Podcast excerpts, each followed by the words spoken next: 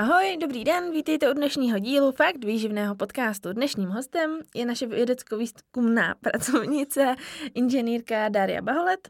Ahoj, Dari. Ahoj, dobrý den. Darča se věnuje eh, výzkumu nanočástic eh, ve výživě prasat, jestli říkám hm, správně. Nepřežvíkavý, ano. Takže vítej u nás v podcastu.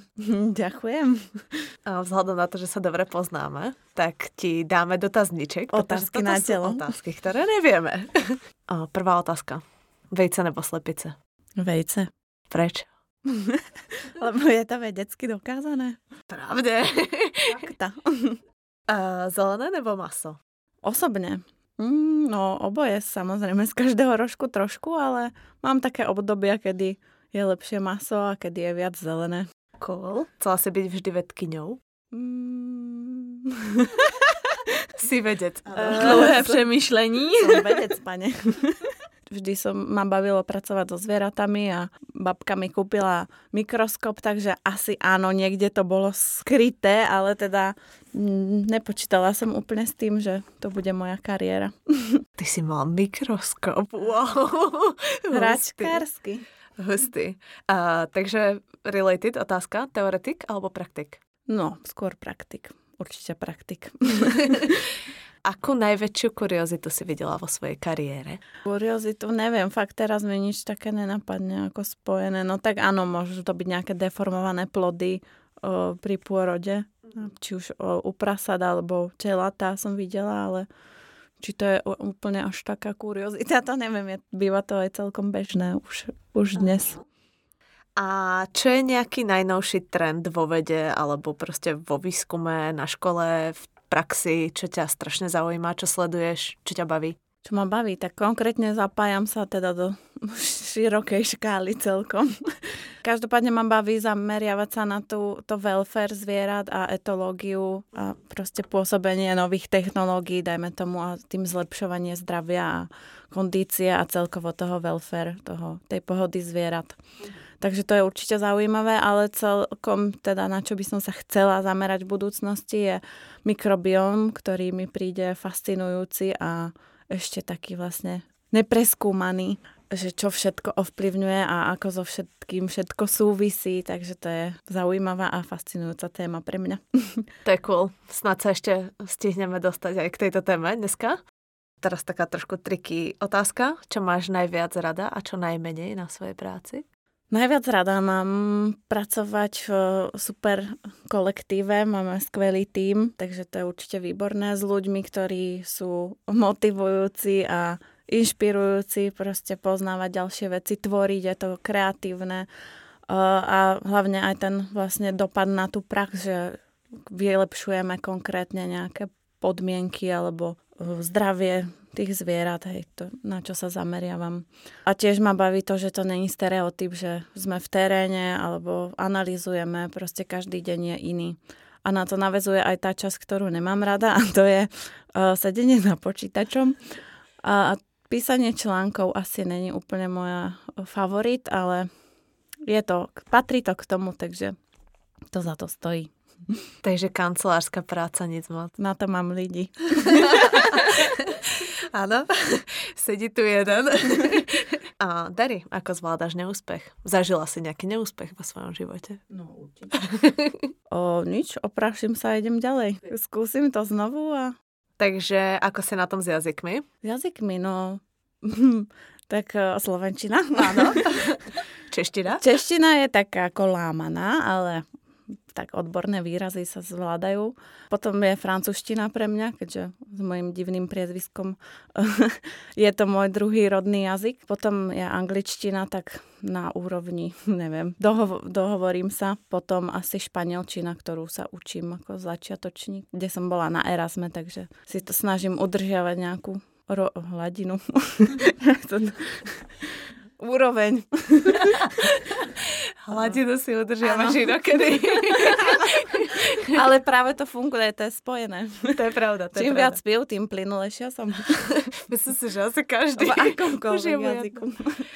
Uh, super. Bonus. Stretla si sa s niekým zaujímavým, s nejakou celebritkou v rámci vedeckého pôsobenia, ktorý treba ešte nejak obohatil, alebo ja neviem, dal ti niečo naviac, čo ťa posunulo v tvojej kariére? Každý deň sa stretávam s niekým výnimočným, by som povedala.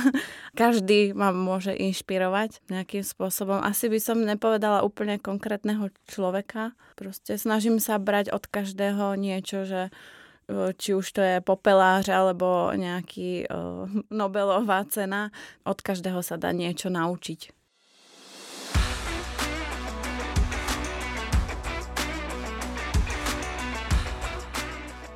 Takže po krásnom dotazníku by sme teda s Dariou asi začali hovoriť o tých veciach, ktoré ťa zaujímajú, v čom sa fakt vyznáš. Čom teda pôsobíš? Na čom robíš? Povedz nám niečo o sebe. No tak začnem asi tou svojou dizertačnou prácou, ktorá sa momentálne teraz už snaď blíži do finišu. Názov je Využitie nanočastíc zinku vo výžive neprežvíkavých zvierat. E, je to zamerané prevažne na prasata. Ten projekt už teda skončil, ale moja práca bola založená na, na projekt e, názvy takže už sú všetky pokusy hotové a vlastne teraz spracovávam dáta a snažím sa písať e, články a e, dávať dokopy tú dizertačku. Super. Nejak na úvod asi, aby som to uviedla, že v chovoch prasiat vlastne v období odstavu, čo je od zhruba 21.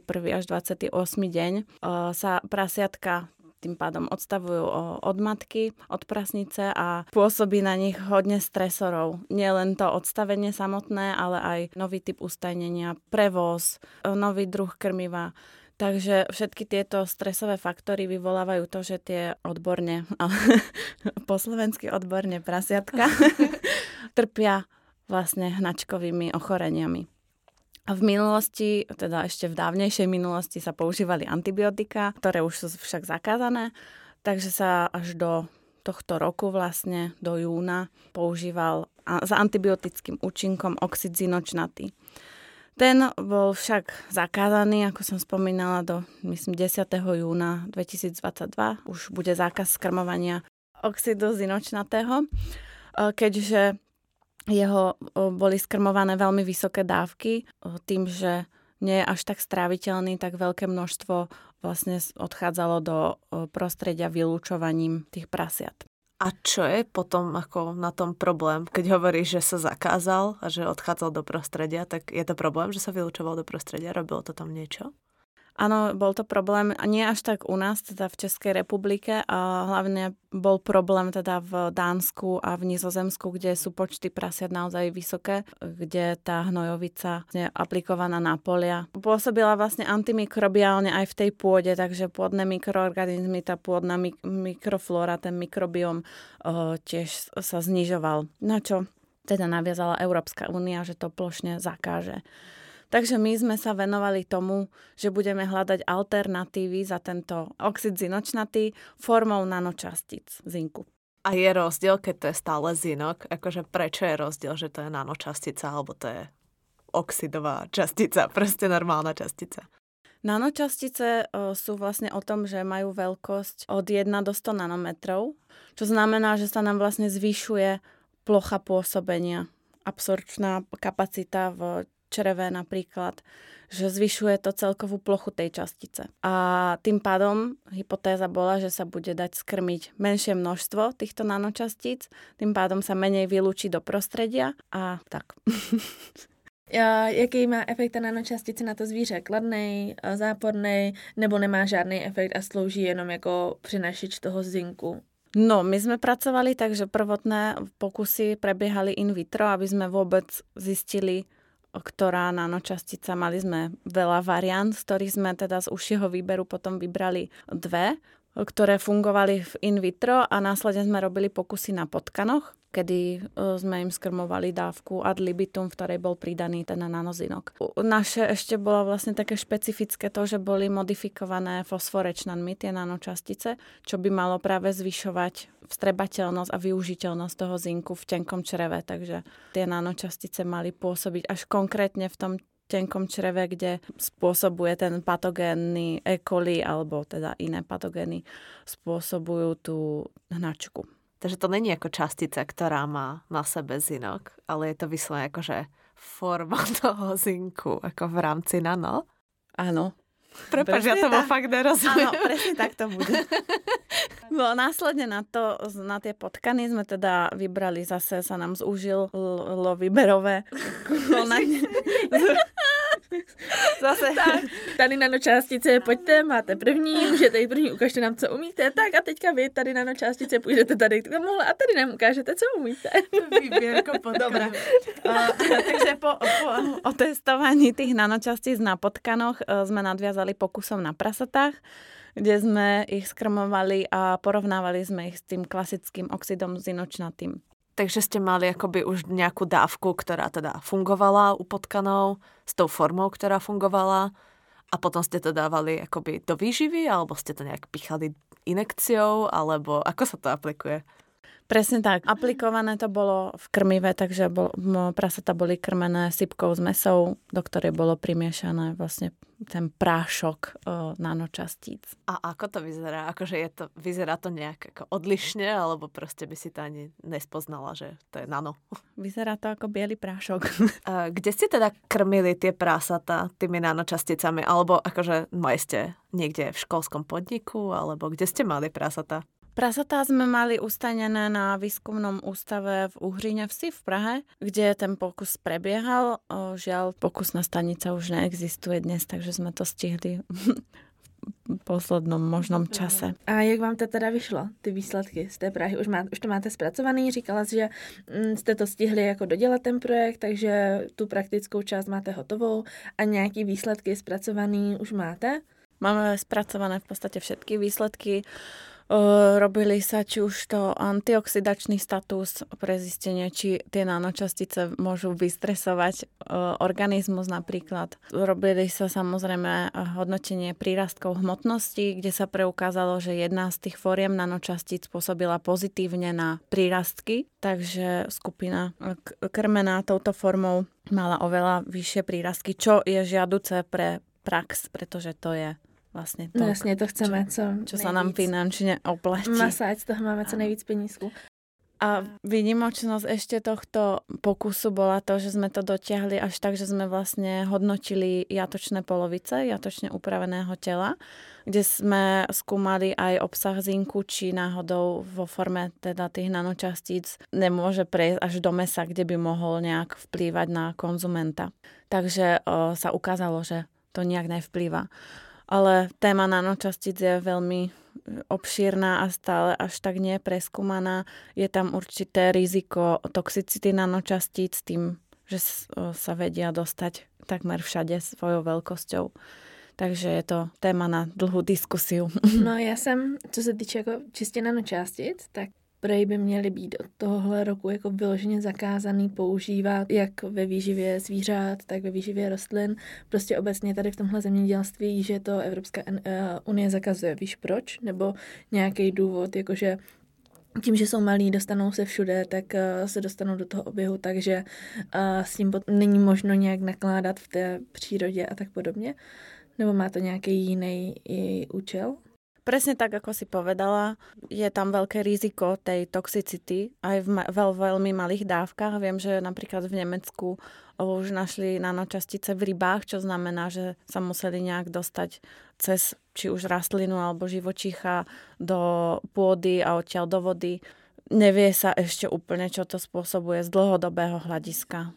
Takže je to zakázané, na vedecké účely je to povolené, ale ako komerčné využívanie nanočastíc je zakázané. Uh-huh, uh-huh. Zaujímavé. Ještě když se vrátím k tomu tvýmu projektu, tak ty jsi říkala, že jste měli nějakou skupinu prasat, kde ty nanočástice působily pozitivně na přírůstek. Mělo to jenom ty pozitiva, nebo tam byly i nějaký negativa potom, co se týče v rámci toho života těch prasát, nebo nějaký třeba poškození orgánů, nebo tady tohle tam prostě nebylo, bylo tam jenom ten pozitivní uh, dopad na to, že ty přírostky byly větší a tím to končilo.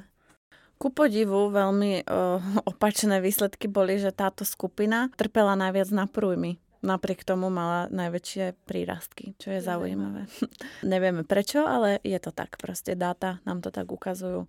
Zaujímavé bolo aj to, že sme vlastne skúmali mikrobiom tých prasiat, takže bolo vidieť, že v skupine s nanočasticami bolo, bol vyšší počet laktobacilov, zastúpení, ktoré práve pôsobia pozitívne na tráviaci trakt ako pozitívna mikroflóra. Takže to je tiež jedna zo zaujímavých informácií, ktorú sme zistili. Uh-huh. A když je tam pozitivní a, vyšší počet těch mikroorganismů, nemělo by být právě naopak, že když je ty, ty mikroorganismy tam máš a správně ti pracují, tak by nemělo docházet k těm průjmům? Áno, je to určite tak, ale záleží, aké mikroorganizmy, je ich moc. a samozrejme sú medzi nimi pozitívne aj negatívne, ale musia tam byť čiastočne aj tie negatívne, aby tam bola správna rovnováha. Jasné. A to jasné. je na tomto fascinujúce, že na čo všetko vplývajú a, a aká je vlastne tá správna rovnováha. Mm-hmm. Mm-hmm. No a Dary, čo je to ten mikrobiom? Čo si pod tým mám predstaviť? Ako škôlku, mikrošov? Ale... Mikrobióm je inak povedané mikrobiálna populácia, alebo tá flóra, uh, ktorá obýva naše črevo. Ó, iba naše? Živých organizmov, tak. Vieme, čo tam je? Alebo nevieme a študuje sa to? Vieme, čo tam je. Určite je tam veľké množstvo práve tých konkrétnych mikroorganizmov, ako sú laktobacily, klostridie, môžu byť medzi tými negatívnymi väčšinou spomínané. Je tam zastúpenie asi šiestich, šesť takých základných kmeňov, ktorí má rôzne podkmene. No, v, je to asi prednáška tak na pol dňa, ak by sme sa do toho pustili hlbšie. Každopádne teraz sa začína venovať tomu, že na čo všetko vplýva ten mikrobiom už sa vie, že napríklad u ľudí, alebo vie, je to predmetom výskumu, že ovplyvňuje nielen trávenie, ale môže ovplyvniť aj naše myslenie, napríklad našu náladu. Jak môže ovlivniť naši náladu? To je predmetom výskumu. napríklad predstavte si, že už ten mikrobiom sa líši či už to u zvierat alebo u ľudí od pôrodu, že je rozdiel, či ste narodení cisárským rezom alebo prirodzene. Už aj ten vaginálny mikrobiom vie ovplyvniť naše budúce zdravie v podstate. Wow, to je hustý. Napríklad uh, bolo dokázané, že ľudia alebo zvieratá narodení cisárským rezom trpia viac ale na alergie. Oh. To je zajímavý. A tak pretože nemajú až tak bohatí alebo nestretli sa vlastne už od toho narodenia. So, nevytvorili si tú imunitu hneď od začiatku. Prečo teba to zaujíma? Akože, čo je na tom mikrobiome také, čo je pre teba proste cool? Je to španielská dedina. Som veľmi na začiatku, to ale zaujíma ma to Proste príde mi to fascinujúce, že ani, a taká malá vec a dokáže ovplyvniť život, zdravie nás a zvierat okolo nás. A děkujeme, Dary, že jsi přišla za náma do podcastu. Moc děkujeme za všechny informace. Přejeme ti, ať se ti daří v dalších projektech a v zkoumání a v tvé vědecké práci. A, a prostě děkujem. ja vám moc ďakujem za pozvanie a snáď aj na budúce. Určite. A my se s váma budeme těšit u dalšího dílu. Čauky. Čau.